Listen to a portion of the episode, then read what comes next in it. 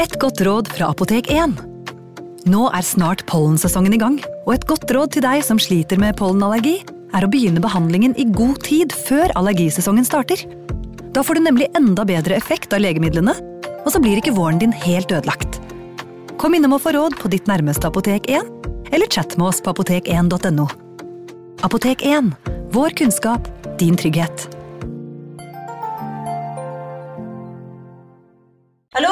Jeg kommer fra Oslo politikammer. Ine Jansen er purk. Er du purk? The motherfucking bitch. Alt jeg vil, er å finne ut hva som skjedde med mannen min. Jon Carew. Er jeg sikta for noe? Iben Akeli. Det er du. Ole So, Lars Berrum og Big Daddy Karsten. Hvem sin side er du på, egentlig? Anette Hoff, Tone Danielsen, Kommer du fra Afrika? Jørnis Josef, Nesten kløfta. Trond Espen Seim, Det er synd å si det, men det var feil mann som døde. Purk. Premiere tirsdag på TV2 Play. Ungsamtalen fra DNB er økonomisk veiledning tilpasset deg som er ung. Bokk en ungsamtale på dnb.no. slash ung. Det er kjempebra hvis du skal inn på boligmarkedet, hvis det er drømmen din, liksom. Det er det du skulle sagt. Og så kunne du ropt litt mer, da, sånn som jeg gjorde. Bam! Advarsel. Historiene vi forteller i denne podkasten kan være fiktive og avvike fra den opprinnelige historien av dramaturgiske årsaker. Meninger og påstander i historiene reflekterer nødvendigvis ikke programledernes meninger eller virkeligheten.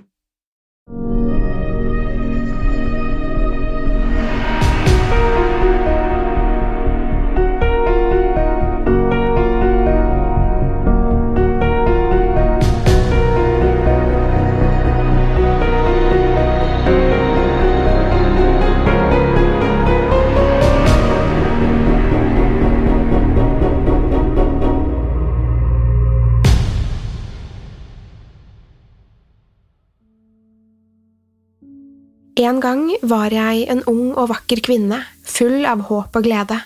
Den bleke huden min var myk og varm, og magen min struttet med liv. Ved min side sto Edvard. Vi var unge da vi giftet oss, men jeg visste at han var en god mann. Det var vår i luften, og jeg kunne kjenne lukten av nytt liv. Det var fremdeles stugg i gresset, men epletrærne hadde slått ut i full blomst. Jeg husker hvordan Edvard smilte da han løftet opp sløret. De himmelblå øynene hans lyste opp da han så på meg. Det var som om han så meg for første gang.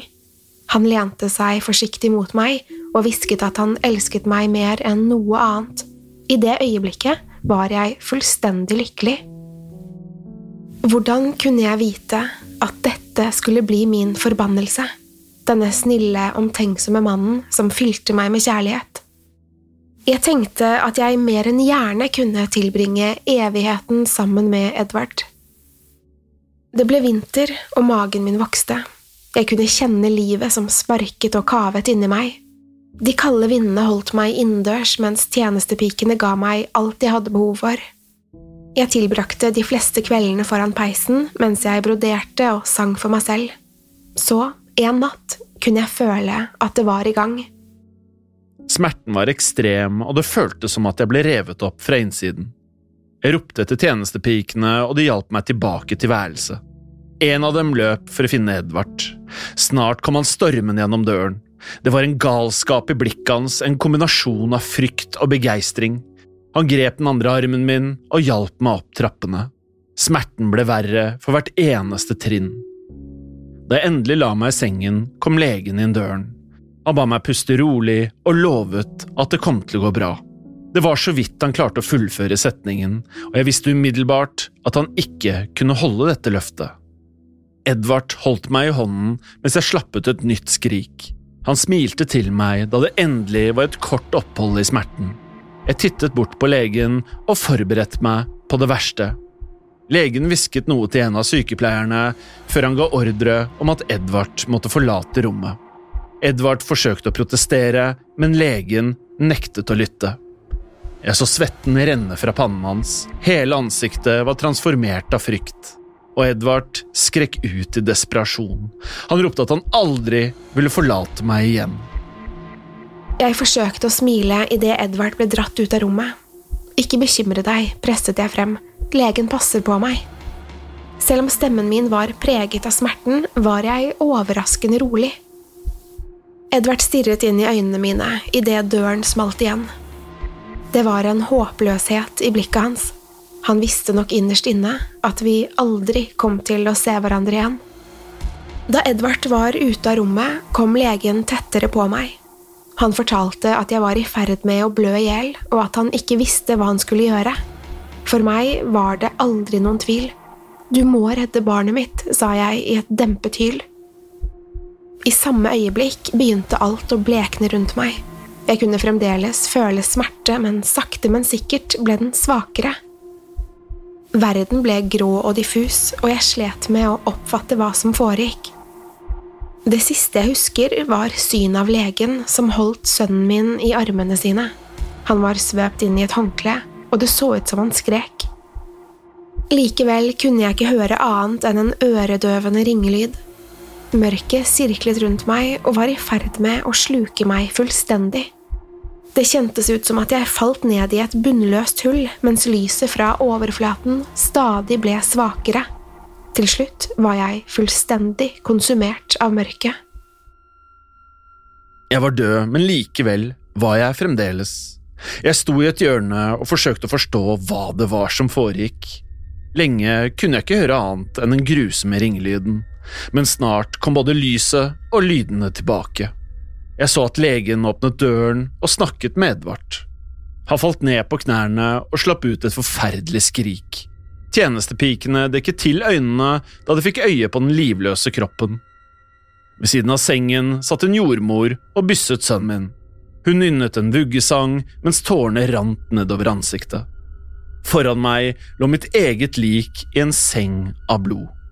Øynene mine var fremdeles åpne og stirret bort på mitt nyfødte barn. Jeg følte en trang til å lukke øynene mine. Jeg strakk ut armen, men fingrene passerte bare gjennom den livløse kroppen. Jeg ble stående og se på meg selv i håp om å gjenvinne kontrollen over kroppen min, men jeg bare lå der, helt livløs og helt ubrukelig. Lydene rev meg til slutt ut av dette øyeblikket. Jeg ble overveldet av de intense hylene.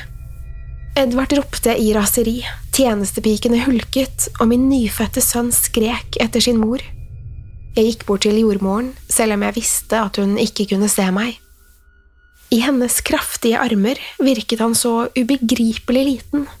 Han var dekket i blod, men han var utvilsomt i live. Han skrek av full hals, som friske barn skal gjøre. Dette var den vakreste lyden jeg noensinne hadde hørt. Det var lyden av nytt liv. Selv om jeg ikke kunne ta del i det, håpet jeg at han kunne fylle huset med håp og glede. Til å begynne med nektet Edvard å se på barnet vårt. Han fikk tjenestepikene til å skifte på sengen. Deretter ble jeg vasket og skiftet på, og lagt tilbake i de rene lakenene. Edvard la seg ved min side og holdt rundt meg. Tårene hans dryppet ned på den kalde, livløse huden. Det virket nesten som om han forsøkte å varme meg opp som om hans nærhet kunne bringe meg tilbake. Jeg ville så gjerne holde rundt ham bare én siste gang. Jeg ville fortelle han at jeg fremdeles var hos han, men det var umulig. Jeg la meg i stedet i sengen og så på mens Edvard gråt seg selv i søvn. Til slutt kom noen for å hente kroppen min. Edvard var oppslukt av sorg, men han kjempet ikke imot. Jeg sto ved hans side da de lastet kisten inn i vognen. Jeg la hånden min i hans og forsøkte å huske hvordan varme føltes. Det virket nesten som at han kjente mitt nærvær. Han så lenge ned på hånden sin før han knyttet neven og stirret inn i øynene mine. Og i et lite øyeblikk føltes det ut som at vi var gjenforent. Jeg kunne føle varmen hans stråle inn i meg. Og senere den kvelden gikk han til barneværelset. Ved siden av sønnen vår satt en av tjenestepikene og strikket. Edvard ba henne forlate rommet så han kunne være alene med barnet. Han satte seg ved sengen og tittet på sønnen sin. Etter en liten stund hevet han blikket. Det virket som at han snakket til hele rommet da han til slutt sa Johanna, er du her fremdeles? Ja, ropte jeg tilbake, men han kunne ikke høre meg. Han bare satt der og ventet på et svar. Uansett hvor høyt jeg skrek, merket han ingenting. Jeg ville så gjerne at han skulle forstå at jeg var der. Til slutt strakk jeg ut armen og forsøkte å bevege på uroen over sengen. Plutselig begynte den å svinge frem og tilbake. Edvards ansikt lyste opp, han forsto umiddelbart at det var meg. Babyen begynte også å le av fuglene som danset rundt i luften. Edvard så ned på barnet med et kjærlig blikk. Så lenge du er med meg, er jeg velsignet, men gudene vet at jeg savner deg likevel. Edvard strøk barnet over hodet. Nå er sønnen vår alt jeg har igjen av deg. Han er beviset på vår kjærlighet. Tårene strømmet nedover ansiktet hans. Jeg har enda ikke gitt han et navn, men nå vet jeg hva han skal hete. Han lente seg over sengen og lot sønnen gripe rundt pekefingeren. Johannes, til minne om min kjære Johanne. Han smilte da han holdt Johannes i armene sine. Jeg la hånden på skulderen hans og begynte å hviske en gammel barnesang. Sov hele natten, min lille kjære. Hvil helt til lyset kommer. Det varmer ditt hjerte og varmer ditt sinn og gjør vinter om til evig sommer. Sov hele natten, min lille kjære. På himmelen blinker en ensom stjerne. Det er mamma som vokter over deg, langt vekk i det fjerne. Sov nå, min lille kjære. Tre år passerte, og Johannes var i ferd med å bli en vakker, ung gutt. Han hadde Edvards lyseblå øyne og mitt brune hår. Både Edvard og tjenestepikene forgudet den lille gutten. Jeg satt ofte ved hans side mens han lekte. Jeg var sikker på at han kunne føle mitt nærvær akkurat som Edvard, og noen ganger la tjenestepikene merke til at Edvard pratet med seg selv. De må ha trodd at han var gal, men vi brydde oss ikke. Det ble vinter, og Johannes ble plutselig forferdelig syk. Han hadde høy feber og lå kaldsvettet i sengen sin. Det var grusomt å se han lide på denne måten. Han ropte etter meg, men jeg kunne ikke hjelpe han. Jeg ville så gjerne holde han i armene mine. Han hostet blod og slim og ble stadig svakere. Kroppen hans var nå i ferd med å svinne bort, og ansiktet var hult og blekt. Legene fortalte Edvard at det ikke var noe mer å gjøre. Det var ikke mulig å redde den lille gutten, men de ville forsøke å lindre smertene. Edvard la seg ved hans side og gråt seg i søvn. Jeg lurte på om jeg ville møte Johannes på den andre siden. Kanskje jeg endelig kunne holde rundt han. Jeg hadde sett noen få ånder i dette riket. Sønnen til gartneren som falt fra et tre. En gammel mann som hadde bodd i dette huset før oss, men ikke mange andre. Jeg forsøkte å prate med dem, men de forsvant én etter én. Den gamle mannen hadde bare vært her en måneds tid før han ble borte. Gartnerens sønn forsvant da faren hans døde. Det virket som at gutten hadde ventet på å bli gjenforent med sin familie. Nå var jeg helt alene i dette tomme riket. Jeg følte meg egoistisk da jeg ønsket å gjenforenes med Johannes og Edvard. Men jeg var så fryktelig ensom. Jeg ville ikke at Johannes skulle dø, men jeg kunne uansett ikke hjelpe ham. Han hadde vært syk lenge nå, og døden ville bare lindre smertene. Det var nesten en lettelse da sykdommen krevde hans liv. Jeg kunne se det i Edvards øyne. Å se Johannes på denne måten holdt på å ta livet av han. Likevel var tapet umulig å takle. Han holdt rundt Johannes sin hånd og nektet å gi slipp da legene forsøkte å ta med seg liket. Edvard låste seg inn på soverommet vårt og hylte gjennom hele natten. Jeg gråt, jeg også. Jeg hadde mistet min eneste sønn. Jeg skulle aldri igjen se han leke med Edvard eller sitte på fanget til tjenestepikene. Jeg hadde håpet at vi skulle gjenforenes på den andre siden, men han dukket aldri opp. Jeg ventet i flere dager og lette etter han i hele huset. Jeg var i ferd med å innse at vi aldri ville møtes igjen, at jeg aldri skulle få holde rundt han og kysse han på pannen. Tapet av Johannes ble umulig å håndtere. Jeg hylte og skrek, og sorden ble til et voldsomt raseri. Sinnet ga meg uante krefter, og jeg kunne kaste gjenstander rundt meg. Vaser raste i gulvet, speil knuste, og dørene smalt i hele huset. Tjenestepikene ble skremt av hendelsene og fryktet at det var en ond kraft i hjemmet. De fikk tak i en prest som kunne drive ut ondskapen, men Edvard nektet å slippe han inn. Han snakket til meg om nettene og sa at han ikke ville miste meg igjen. Edvard forlot ikke rommet sitt på flere uker. Han satt bare i sengen og snakket til meg. Selv om han aldri fikk noe svar, fortsatte han å prate ut i luften. Det ga han en slags trøst å tenke på at han ikke var helt alene. Men jeg var alene og fryktet at jeg ville være det for alltid. Det kom stadig leger for å undersøke Edvard. Det kom også venner og prester på besøk, i håp om at han skulle komme seg ut av sorgen, men Edvard nektet å lytte til deres trøst. Han fortalte dem at han kunne føle mitt nærvær, men at Johannes ikke lenger var med ham. Han lurte på om det var jeg eller Johannes som var fortapt i evigheten. De bare ristet på hodet. Johanne er ikke her, sa de mens jeg la hånden min i hans. Jo verre jeg følte meg, jo sterkere ble jeg. Dermed ble også min tilstedeværelse tydelig for alle som entret huset.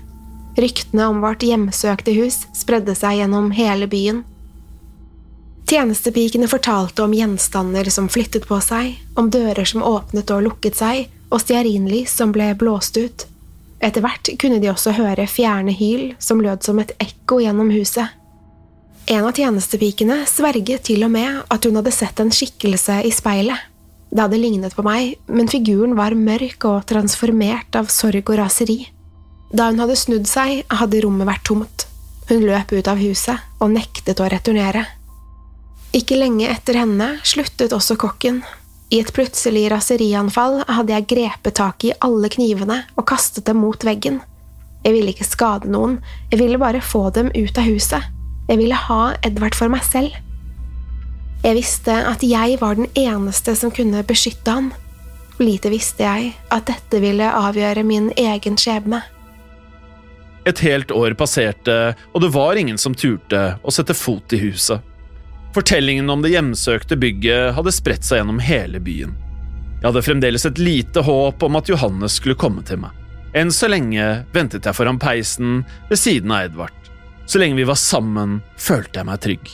Men da Edvard la seg om nettene, returnerte frykten og raseriet. Jeg vandret gjennom huset og skrek etter Johannes. Edvard hang seg på årsdagen fem år etter min død. Dette skulle også være Johannes sin femårsdag. Edvard knyttet en renneløkke og bandt tauet til lysekronen i spisestuen. Han klatret opp på en stol, festet løkken rundt halsen og sparket fra. Jeg husker ikke om jeg forsøkte å hjelpe han, kanskje jeg egentlig ønsket at han skulle dø, så vi kunne gjenforenes på den andre siden. Det tok mange dager før noen oppdaget liket, og innen den tid hadde kroppen for lengst råtnet bort. Fortellingene om våre liv spredte seg i årene etter Edvards død. Nye familier flyttet inn i hjemmet vårt, men ingen ble boende lenge. Alle rømte fra huset og fortalte om lignende opplevelser. Om nettene hørte de ekkoet av skrik og gråt i gangene, og i skyggene kunne de se mørke figurer. Jeg var fanget i dette huset. Så lenge fortellingene vedvarte, levde jeg også videre. Kanskje Edvard og Johannes også var her et sted. Mange mente nemlig de hørte lyden av barnegråt fra et av rommene. Andre fortalte om en mannsstemme som sang lavt, som for å roe ned et barn. Kanskje de var her med meg, men utenfor min rekkevidde. Jeg ble rasende av å ikke vite dette sikkert. Jeg vandret gjennom huset i hundrevis av år mens jeg lette etter familien min, men jeg så dem aldri igjen. En sjelden gang så jeg andre ånder. Jeg så en liten jente som hadde blitt knust under en vogn, en eldre kvinne som hadde blitt slått i hjel av sin mann, og en forbrent baker som hadde dødd i en grusom brann. Noen av disse ble værende en stund, men alle forsvant så fort de ble glemt. Den eldre kvinnen forsvant da søsteren hennes døde, og hennes ektemann fant en ny kvinne å torturere. Og bakeren forsvant sammen med sin kone. Men det var ingen som glemte meg. Jeg var fanget her i det tomme huset. Historiene ble fortalt videre fra generasjon til generasjon, og hjemmet mitt ble etter hvert en slags turistattraksjon. Om nettene brøt tenåringer seg inn i huset og utfordret hverandre til å bli værende til morgengry. Andre netter søkte hjemløse ly fra regnet. Historiene holdt meg fanget. Jeg forsto snart at det var min egen skyld at jeg aldri kunne forlate huset. I min besettelse hadde jeg skapt en legende. Jeg kom til å bli husket for alltid, som et spøkelse som hjemsøkte det store, tomme huset. Jeg skremte vekk alle de ansatte, og til slutt fikk jeg Edvard til å ta sitt eget liv. De andre åndene forsvant så fort de etterlatte sluttet å sørge. Men det var ikke lenger noen som sørget over meg. Likevel vil jeg aldri bli glemt. Jeg er dømt til å vandre gjennom det tomme huset i all evighet. Jeg fortsetter å lete etter Johannes og Edvard, selv om jeg vet at det er forgjeves. Kanskje har de allerede forsvunnet inn i det store intet. Det eneste jeg ønsker, er å få hvile med min familie. Hver natt ber jeg en liten bønn om at du skal glemme meg.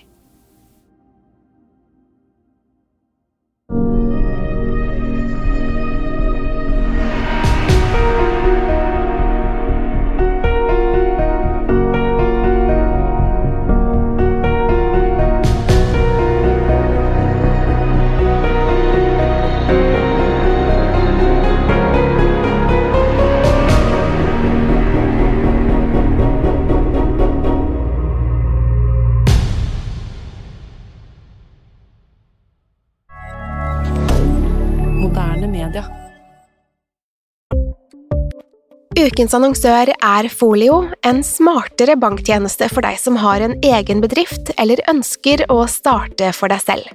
Folio er en superenkel nettbank for bedrifter.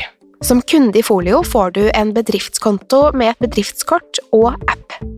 I denne appen er det smarte løsninger som forenkler regnskapet ditt, uansett om du har en liten bedrift eller et enkeltpersonsforetak.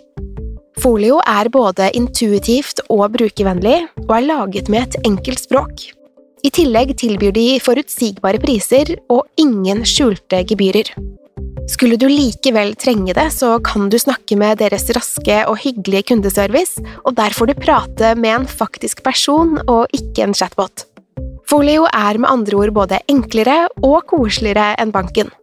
Over 10 000 bedrifter har allerede valgt Folio som sin banktjeneste, så besøk folio.no og se hvordan Folio kan forenkle din hverdag også.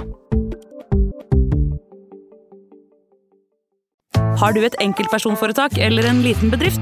Da er du sikkert lei av å høre meg snakke om hvor enkelt det er med kvitteringer og bilag i fiken, så vi eh, gir oss her, vi. Fordi vi liker enkelt. Fiken superenkelt regnskap. Kiwi er billigst i VGs matbørs og har vært billigst i fire av de fem siste VGs matbørser. Og nå presser vi prisene på frukt og grønnsaker. På 200 gram broccolini setter vi prisen til 24,90. På 400 gram Cevita blåbær setter vi prisen til 49,90. Og husk, alle Kiwi Pluss-kunder får i tillegg 15% trumfbonus på all fersk frukt og grønt. For det er vi som er prispresserne. Og vi i Kiwi gir oss aldri på pris.